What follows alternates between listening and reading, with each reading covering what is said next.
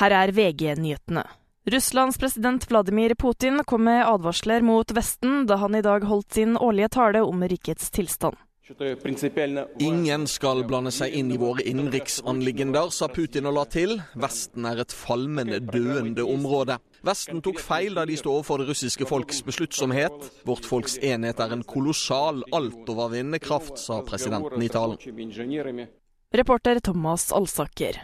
Helikopterselskapet CHC Norge utsetter alle offshoreflygninger med S-92 fram til klokka 13.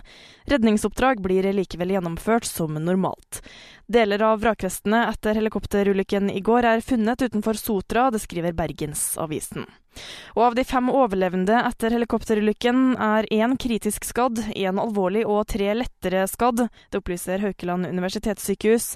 En person døde. Mengden søppel som produseres i verden ventes å øke med flere milliarder tonn per år fram mot 2050, kommer det fram i en FN-rapport.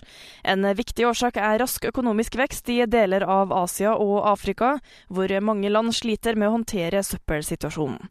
I studio Miriam Alsvik, nyhetene får du alltid på VG.